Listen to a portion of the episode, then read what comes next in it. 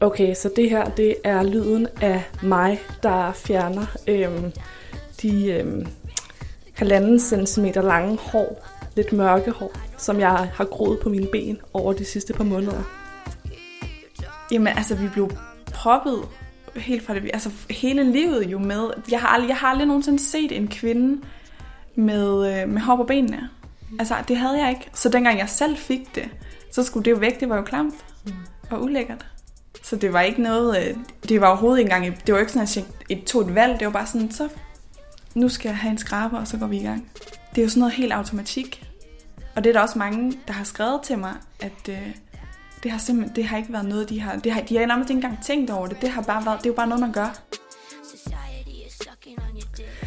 Øhm, og altså, jeg må jo bare konstatere, at øhm, det ubehag, jeg har følt over at have dem, og den kæmpe glæde, jeg nu føler ved at få lov til at fjerne dem endelig, det, det viser ret godt, synes jeg, hvor kæmpe stor en magt den her dumme skraber stadig har over mig. Unge kvinder deler billeder af deres kropsbehåring på sociale medier. Men hvorfor forsvandt håret overhovedet i første omgang? Du lytter til 600-tallet.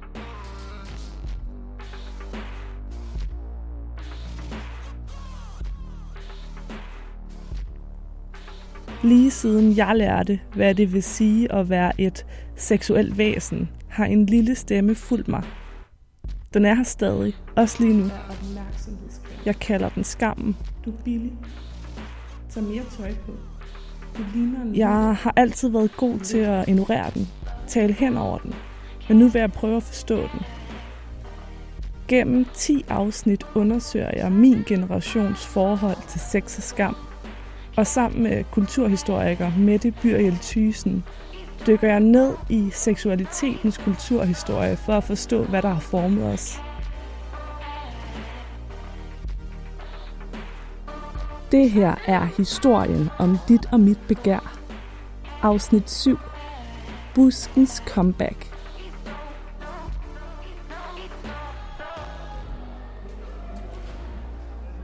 Jeg mødes med Mette på Nationalmuseet i København. Jeg hedder øh, Mette Byrel Thysen og er jo museumsinspektør på Nationalmuseet. Og jeg har simpelthen specialiseret mig øh, i historiske perspektiver på køn, krop og seksualitet.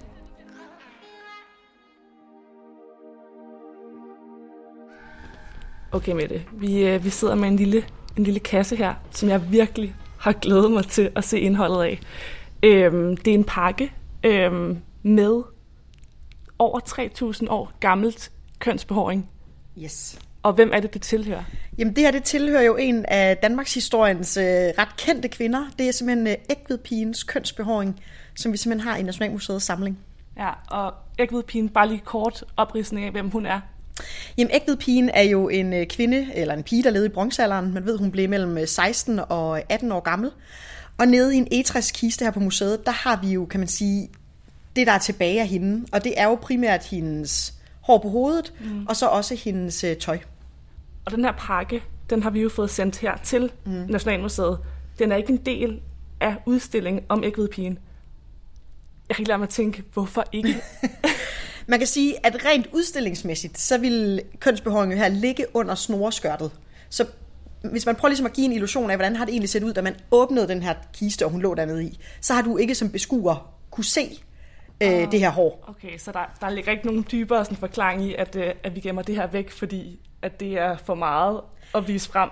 Altså man kan sige, da ægvedpigen øh, bliver fundet, og man begynder udstillingen, så tror jeg, at der har været nogle etiske overvejelser omkring, at det måske har været for meget. Altså man kan også sige, skulle ægvedpigens kønsbehåring udstilles i en lille boks ved siden af, tages ud af kontekst. Mm. Det vil måske også være øh, lidt mærkeligt. Øhm, så jeg, jeg tror også, der har ligget noget etik omkring at sige, sådan, at det måske også har været noget, som øh, hun jo i princippet ikke har fået lov til at bestemme, skal det her vises frem. Okay.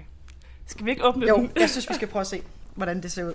Du så lige nogle, øh, nogle handsker på. Altså, jeg har jo kun hørt om, om det her. Jeg har hørt om det i mange år, så for mig har det været lidt sådan en, en uh, ting, jeg virkelig også har glædet mig til at se. Jeg har kun set fotos af det, jeg har aldrig set det i, uh, i levende live, så jeg synes og også, du har det, ikke åbnet den her pakke? Jeg har ikke åbnet den endnu. Nej, det har jeg simpelthen ikke, uh, ikke tur. er du klar? Jeg er klar. Og så er den fint pakket ind i silkepapir. Hvad står der her? Der står, at hun er, det er fundet i ægved, sovnet ægved. Mm. Nej. Ej, hvor er det sjovt. Så her ser vi jo simpelthen noget øhm, øh, mørkt, lidt rødlig skær, Ja. øh, kruset øh, kønsbehåring. Øh, altså jeg er faktisk ret, ret forbavset over egentlig også, hvor sådan intakt det egentlig er. Det er over 3.000 år gammelt. Ja. Hvis øh, vi sådan skal, skal... Altså man kan måske godt sige, at, at ægvedpigen har haft øh, fuld bush. ja. Øh, jeg, jeg tænker ikke, at man i øh, oldtiden som sådan har holdt øh, kønsbehåring nede, ud fra det vi i hvert fald ser her. Nej. Det vi skal tale om i det her afsnit med det, udover ægvedpigens kønsbehåring, det er jo øh, det faktum, at øh, særligt kvindekroppens behåring øh, næsten er forsvundet i den vestlige verden Ja. i løbet af de sidste øh, 100 år. Mm. Øhm, men også, hvordan at det at lade håret gro er gået hen og blevet en, en politisk ting. Mm.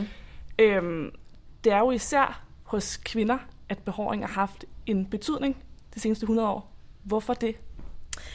Ja, man kan sige, at kvindekroppen har jo altid været genstand for øh, opmærksomhed. Ja. Øh, og der har simpelthen også været nogle andre forventninger til, hvordan er det, at kvindekroppen skulle tage sig ud. Altså vi har talt om det før, også det her med den øh, soignerede, velplejede øh, kvindekrop. Ikke? Altså det har også været forventet, at kvinder som sådan yndige væsener gjorde noget ud af sig selv, ikke? og ligesom også på den måde var genstand fra, for mandens begær. Øh, men derudover er det jo også et rent, kan man sige, sådan kommercielt øh, tiltag, mm. at øh, vi jo simpelthen også har nogle øh, producenter, der går ind og siger, der kunne egentlig også, ud over at øh, barbering til mænd jo øh, allerede var øh, en kæmpe industri i starten af 1900-tallet, hvad hvis vi egentlig også udbreder den og også lader den gælde kvinder. Så det er også bare en sindssygt effektiv markedsføring, der faktisk også står bag, at øh, kvinder i dag de har et øh, kæmpe forbrug af skraber, af waxing og alle mulige andre remedier.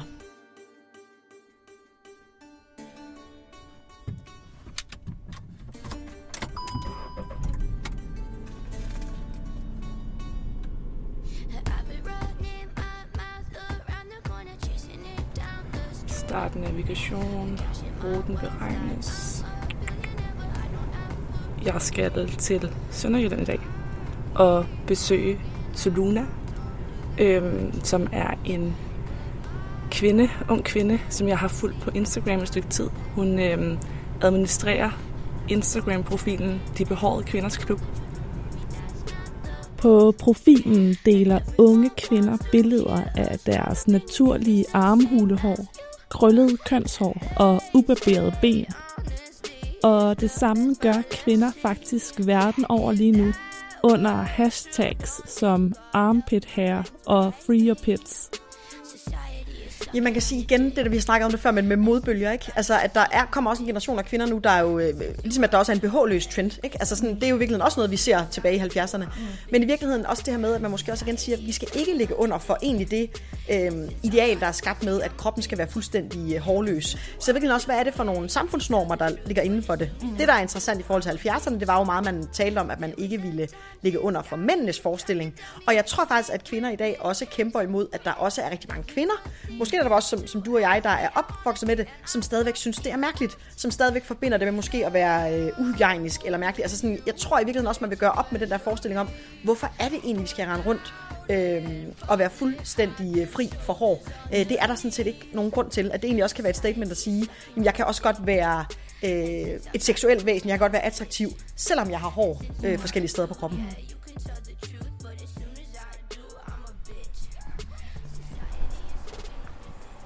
Hej, hvor hyggeligt. Hej, vildt hyggeligt. Vi kan ikke rigtig sige ordentligt hej. Nej, det Men øh, pænt goddag. det er 23-årige Soluna Julius, der står bag de behårede kvinders klub. Jamen, jeg startede jo øh, De Behårede Kvinders Klub i 2019, fordi jeg simpelthen øh, jeg havde lyst til selv at prøve at, øh, at lade kropsbehåring gro, og så manglede jeg lidt sådan et fællesskab omkring det. Mm. Øhm, og så fik jeg jo den her idé til at lave en Instagram-profil, og det er jo så sidenhen blevet til, øh, hvor der er en, en øh, blog øh, tilknyttet. Mm. hvor vi så laver sådan nogle længere indlæg og sådan nogle ting. Ja. Og svarer på klubbens medlemmernes spørgsmål der. Ja. Så de kan sådan ligesom skrive ind. Nu, nu er det jo radio, og vi sidder begge to med, med ret meget tøj på, øh, fordi det er en ret kold dag. Men altså, er du øh, selv fuldstændig naturlig? Ja, det er, ja, det er jeg. Det eneste, jeg... Øh, det eneste, jeg gør, det er lige at klippe lidt til øh, mm. på kønsbehåring. Det kan jeg ret godt lide, øh, fordi det kan godt blive langt. Øh, og så tager jeg lige øh, med pincetten øh, rundt omkring brystvorten. Det kan jeg også selv godt lide. Det er det eneste, jeg ligesom gør. Men nu har jeg jo fulgt med inde ja. på, din, øh, på din blog og din Instagram i nogle uger, og jeg ved jo, at, at det her med, at du har øh, hår på kroppen, det er ikke noget, du altid har, har haft. Er... det er, vil du prøve at fortælle om, hvornår at du ligesom lå håret gro? Jeg startede jo klubben i 2019 i maj der, mm. og der havde jeg haft en hel vinter, hvor jeg simpelthen bare sagde, altså nu, nu rører jeg simpelthen ikke ved det, og så kan vi, fordi vinteren, der er man så tildækket, så kan man selv arbejde med sig selv, og sådan se, hvordan har jeg det egentlig helt med det. Øhm, men ja, det var jo så for et par år siden, hvor jeg simpelthen bare, altså jeg kunne ikke være i det mere. Jeg følte, det var sådan et fængsel. Ja. Øhm, også fordi jeg har været så utrolig opsat på at skulle være den her perfekte kvinde. Og der var hårene bare sådan, altså der skulle ikke være noget som helst. Har du også haft det sådan, at du ikke kunne gå ud for døren, hvis, ja. selvom det var få millimeter, vi snakker om på ja. benene? Ja, jeg kan huske en sommer for nogle år siden, hvor jeg gik til tennis. Og det var en sindssyg varm dag, og jeg skulle tennistræning. Og jeg havde vidderligt kun 2-3 mm, men jeg kunne ikke få mig selv til det.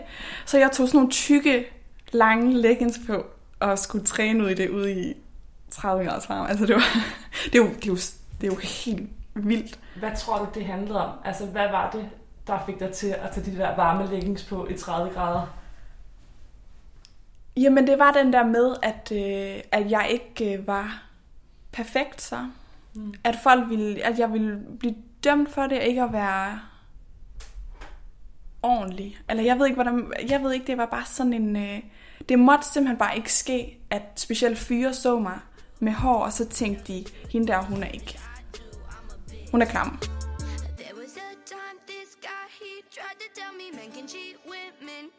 Øhm, kunne vi måske prøve, nu har vi allerede talt lidt om din, øh, din profil, men kan vi prøve sådan at, at finde den frem og, ja, og forklare lidt? Godt.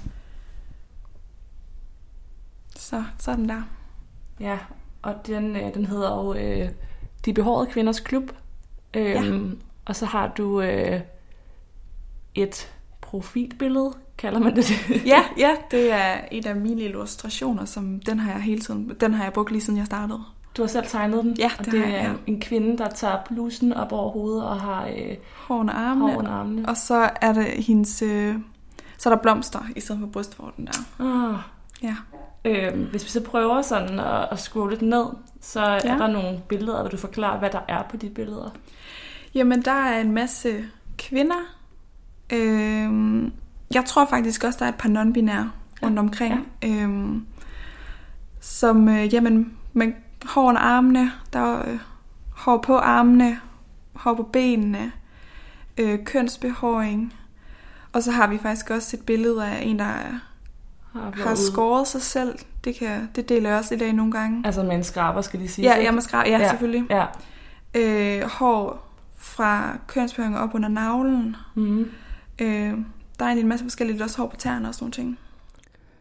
Når vi scroller ned igennem Solunas Instagram-profil, så bliver det helt klart for mig, at det her ikke er et syn, jeg er vant til. Jeg bliver overrasket over, hvor meget hår de her kvinder har. For som barn af 90'erne og 0'erne har jeg, som så mange andre piger, fjernet alt som i alt hår på min egen krop, siden det kom frem i præpubertetsårene. Og derfor har jeg aldrig set, hvordan helt naturlig hårvækst ser ud. Først for nylig i en alder af 26 år har jeg lavet min egne kønshår gro ud hello, hello, hello. Hello, hello, hello, hello. Jeg har spurgt tre andre børn af 90'erne.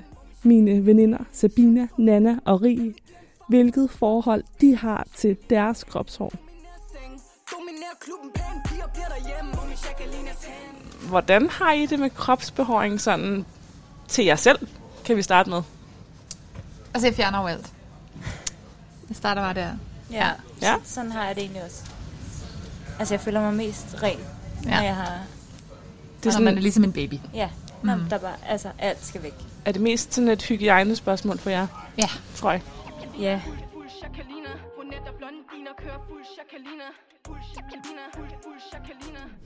Jeg har jo i, i halvandet år eller sådan noget nu groet lidt her og der. Mm. Jeg har altid været glatbarberet. Det har været med svaret mit varetegn. Mm. Nå, hvem Ej, det var sjovt. Det er den glatbarberet. Og jeg ved faktisk... Tilly den glatte. Den glatte. Og hende glatte. Hende ålen. smooth. Nej, nej, nej. Men altså, En jeg, lille babydelfin. ja. Men jeg er virkelig, virkelig, virkelig glad for min øh, kropsbehøjning. Min is, altså, jo. På Og den er fissen. full grown nu. Har, har, eller har du egentlig også øh, under armene og på benene? Eller er det kun, Jeg har øh, faktisk delvist under armene. Benene kan jeg godt lide at barbere, og det er helt klart sådan et, øhm, det er sådan et velvære. Altså det er sådan et, mm, hvor lækkert med, med glatte ben. Armene har jeg helt klart sådan, de må godt være der, fordi det hele ændrede. Jeg begyndte jo på det. Jeg tænkte sådan, hvad, hvad skal jeg med det her? Og så oplevede jeg en gang at have, have sex med en fyr, som jo øh, gik ned på mig og det hele, og tænkte sådan, "Nå, der er jo ikke nogen problemer så, når at den er der. Så mm. det, det kan jeg jo godt, altså det var nok også det, der var min største frygt, det var jo, at der var nogen, der ville sige sådan, wow, dude, mm. det her gør jeg ikke. Og det var der ikke, det er der ikke nogen, der har reageret på aktivt, men det var jo lidt svært at håndtere den med en skraber. Så lykken startede jo virkelig, da jeg købte en, sådan en, hvad hedder det, trimmer. Ja. Mm, sådan en, der siger sådan, altså jeg er blevet så glad for det. Jeg simpelthen, jeg føler, altså, og der, alle er kvinder, og alle føler som kvinder er det. Men jeg føler mig virkelig som en kvinde, når jeg kigger på mig selv. Mm. Jeg er bare sådan, du er en kvinde, Nana. Øhm, noget, jeg har tænkt over i forhold til det her kønsbehøjning, det er, at jeg jo synes virkelig, at man skal gøre, hvad man har lyst til. Glat eller hår. Preach. Men jeg tror måske, jeg selv i hvert fald, har været lidt for dårlig til at reflektere over, hvorfor jeg gør, som jeg gør. Mm. Altså sådan, jeg tror, da jeg sådan har begyndt at tænke virkelig efter, så er grunden til, at jeg har tænkt over det mange år at skulle have hår, men jeg har været bange for dels, hvad øh, pigerne i omklædningsrummet vil tænke. Endnu mere har jeg været bange for ikke at leve op til det, jeg stadig tror er de fleste unge mænds seksuelle fantasier. Mm. Altså, jeg har gjort det på en eller anden måde for at leve op til noget, nogle andre forventer af mig. Ja. Tror jeg. Kan I genkende det? Ja, men, ja, ja, men det kan jeg godt genkende. Men jeg har det egentlig også sådan lidt sådan... Hvad er der egentlig også at tænke over det fucking kropsbehåring? Altså, jeg synes også bare, at i dag, der har vi sådan en tendens til også at shame lidt folk, som så også har nøgnefisser. Helt seriøst. Ej, så jeg vil, vil ikke shame. Nej, du gør det ikke, skat. Andre shamer. Jeg mener det virkelig. Altså, hvis man... Ja, for ikke der- en glat. Jamen, der, der, der kan også være noget jo. med, så er du mindre søstersolidarisk. Ja, du er en dårligere så er feminist så eller du, sådan noget, du ikke? er, du er Ja. hvad hedder det, bukket under for mændenes behov, Ja, eller sådan. Du ja, gør bare alt ja. det, mændene vil have. Mm. Hvad nu, hvis det er bare fordi, at, at jeg synes, det er dejligt, og det andet, det klør? Jamen altså, og det er jo også det, jeg har... vi- Altså, klubben er jo ikke sådan en løftet pegefinger. Nu skal du lade din kropsbehang gro. Du, du skal bare vide, at du har et valg. Man må også enormt gerne, selvom du barberer det hele, være medlem af klubben. Altså, der er ikke noget der. Det er dit eget øh, valg. Men du deler kun Ja, ja, det gør jeg, ja. hvor der er øh, hår. Ja, Ja. det gør jeg, ja. Også fordi repræsentation er så vigtigt, Mm. At øh, det skal vi have noget, øh, det skal vi have noget af.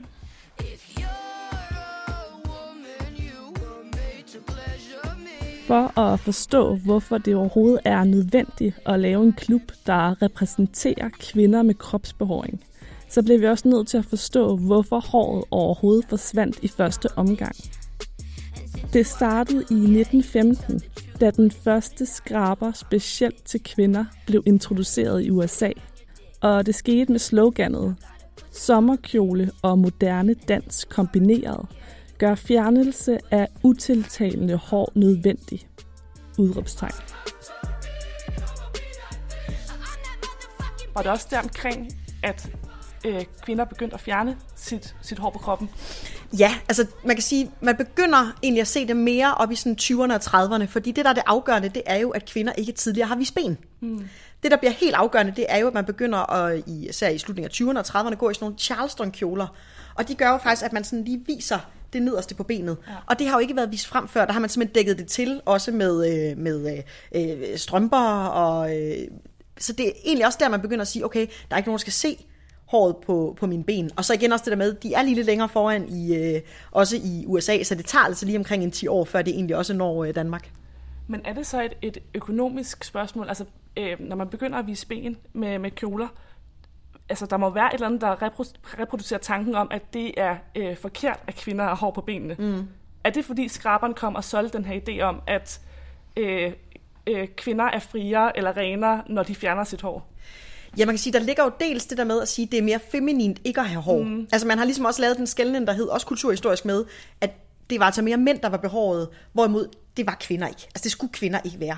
Og så kan man sige, der er jo nogle effektive markedsføringsfolk, der også skaber den her myte med, at man er mere hygiejnisk. Mm. I dag findes der jo intet belæg for, at det er rigtigt, men, men det der med, at man er mere hygiejnisk, man er mere soigneret, ja. hvis man altså ikke har, har kropsbehåring. Håret er siden blevet fjernet nærmest hele vejen op igennem det 20. århundrede.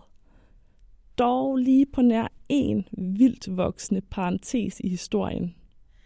Jamen, vi ser det egentlig frem til øh, sådan slut øh, 60'erne, mm. øh, og især i starten af 70'erne, hvor der jo netop begynder at komme fokus på det her med, at kvinder ikke længere vil være øh, objekter for mænd, mm. og kvinder vil ikke længere defineres af, hvordan det er mændens forventninger til, hvordan en kvinde skal se ud. Og igen jo også den her måske seksualisering, ja. som i hvert fald også 70'ernes øh, feminister mener, at det ligger også under for, at man ligesom også barberer sig. Det er ikke for ens egen skyld, det er for mandens skyld. Så det er der, der begynder at komme politik ind i kønsbehåring. Noget så naturligt som, som kønsbehåring kommer ja. der politik ind i. Ja.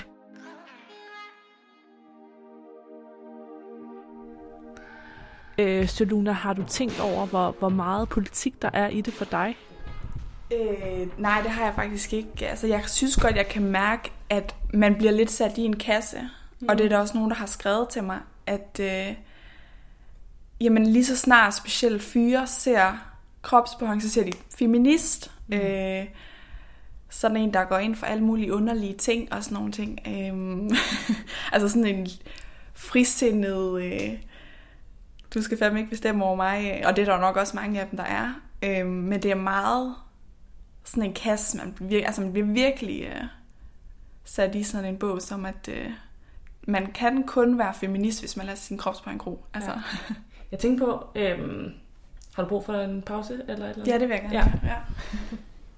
altså, jeg har jo læst lidt om, ja. om hvorfor at, øh, at det var der i øh, midten af 10'erne. Ja. Hvor der kom de der, det var jo først de ærmeløse kjoler jo. Præcis. Og så de korte kjoler. Ja. Det er jo, det, jeg synes, det er vildt, at det, der styrer så meget, det, der har styret mit liv fuldstændig. jeg er nødt til at optage dig. Undskyld. Jamen, altså, det, der har styret mit liv så meget. Altså, jeg har været så utrolig fanget af det. Øh, altså, det har været helt, helt sindssygt. Øh, at det simpelthen, det, det er på grund af penge. Fordi der er nogen, der vil tjene penge. Mm. Det synes jeg er også fuldstændig vanvittigt. Ja. Også bare vores verden i dag. At det er simpelthen, fordi der var nogen, der ville tjene flere penge. Ja. Altså, så vi er bare med i den der mølle af industri og vækst. Og, ja. og så, kan, så kan jeg jo godt forstå, hvorfor det bliver et statement. Og sige, det gider jeg fandme ikke være med i. Og så nu stopper jeg. Det vil jeg ikke støtte. Øhm. Ja, så kan godt forstå, at det bliver politisk. Det, det kan jeg virkelig godt. Ja, og så, så har jeg ikke... Jeg har jo, hvad hedder det... Næsten lige på Spotify, og der har jeg startet med reklameversionen, øh, hvor hele sommeren igennem, der har jeg bare hørt på den der Venus-skraber, der er lavet specielt til kvinder, og man sidder bare og tænker, lad nu være. altså. Og der er også det der med, at øhm, mænds skraber og kvinder skraber, altså mænds skraber er billigere. Ja. Fordi de ved, at kvinder vil, er, vil betale ekstra for det jo. Mm. Og så synes jeg også bare, at den er så åndssvag, den der specielt til kvinder, den sætning der. Ja. Hvorfor? Hvordan er en skraber specielt til kvinder? Hvad er meningen med en skraber specielt til kvinder? Jeg ved godt, at de jo skal finde deres kunder, og vi lever i en enorm binær verden. Så jamen, jeg ved slet ikke, hvad jeg skal sige. Jamen, det bliver bare nogle gange så... Øh. Synes du, at, øh, synes du, at jeg bør øh, lade min hår under armene og benene vokse ud? Skal, skal, det, skal, det, skal jeg give det et skud? Helt sikkert. Ja. Det synes jeg. Ja. Øh, Det kan godt være, at du ender med at tænke, ej, det har jeg faktisk ikke lyst til. Men bare det, at du prøver det, mm. og ser, hvordan det er, det ja. synes jeg er enormt. Der er noget, noget frigørende ved det alligevel. Mm. Det føler jeg i hvert fald.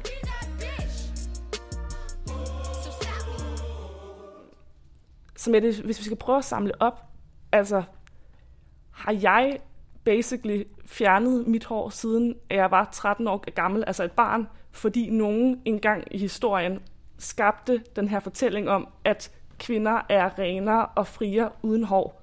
Man kan sige grundlæggende ja. Og så ligger du jo, øh, som så mange andre, jo også under for det her med, at forskellige øh, perioder vil blive mødt af modbølger. Og så kan man bare sige, at den modbølge, eller modpol, der har været siden 70'erne, har varet utrolig lang tid, altså næsten tre årtier. Ikke? Mm. Øhm, så i virkeligheden er du jo også et godt eksempel på det her med, at man jo også følger med, hvad er det for en, øh, hvad er det for en mode, hvordan følger den ind i, øh, hvordan følger den ind i tidsbilledet? Og man kan sige, hele øh, 80'er og 90'er moden mm. har jo også dikteret på rigtig mange måder øh, det, det pyntede, det øh, kontrollerede, det er meget øh, feminine, og i virkeligheden jo nogle, igen også meget klassiske opfattelser af, hvad det vil sige at være øh, feminin og øh, seksuel i virkeligheden. Ikke? Mm. Man kan jo også se det, hvis vi går til pornofilmene. Altså der er der jo også gennem 90'erne med Katja Kine forbilledet, der er jo ikke et kropshår at spore på nogen de mandlige modeller, de kvindelige modeller. Ingen af dem har jo noget, der minder om bare lidt kønsbehåring altså sidste århundrede, der var det 70'erne, der var det mest behårede årti. Tror du, at min generation kommer til at tage det næste mest behårede årti? jeg er i hvert fald helt sikker på, at det vi står i nu, det er det er kun begyndelsen. Altså jeg tror, vi kommer til at se en, en, en, en årrække nu, altså måske de næste fem år eller sådan noget, hvor det her egentlig bare får, øh, får mere opmærksomhed, og vi vil se, at det bliver mere normalt at se kvinder med, øh, med, med kropsbehåring. Ja. Så, så jeg tror egentlig bare, at vi er lige i starten af noget, som måske ikke bliver lige så vildt som, som 70'erne, hvor det jo noget rigtig bredt ud. Jeg tror stadigvæk, at det vil være en mindre andel af kvinder. Jeg tror ikke, det er noget, du ved, forstå mig ret, der slår sådan igennem i din, øh, din generation. Men, men jeg tror, det vil blive mere, end det vi ser nu. 600-tallet er produceret af Nationalmuseet for Radio Loud. Jeg hedder Louise Lindblad.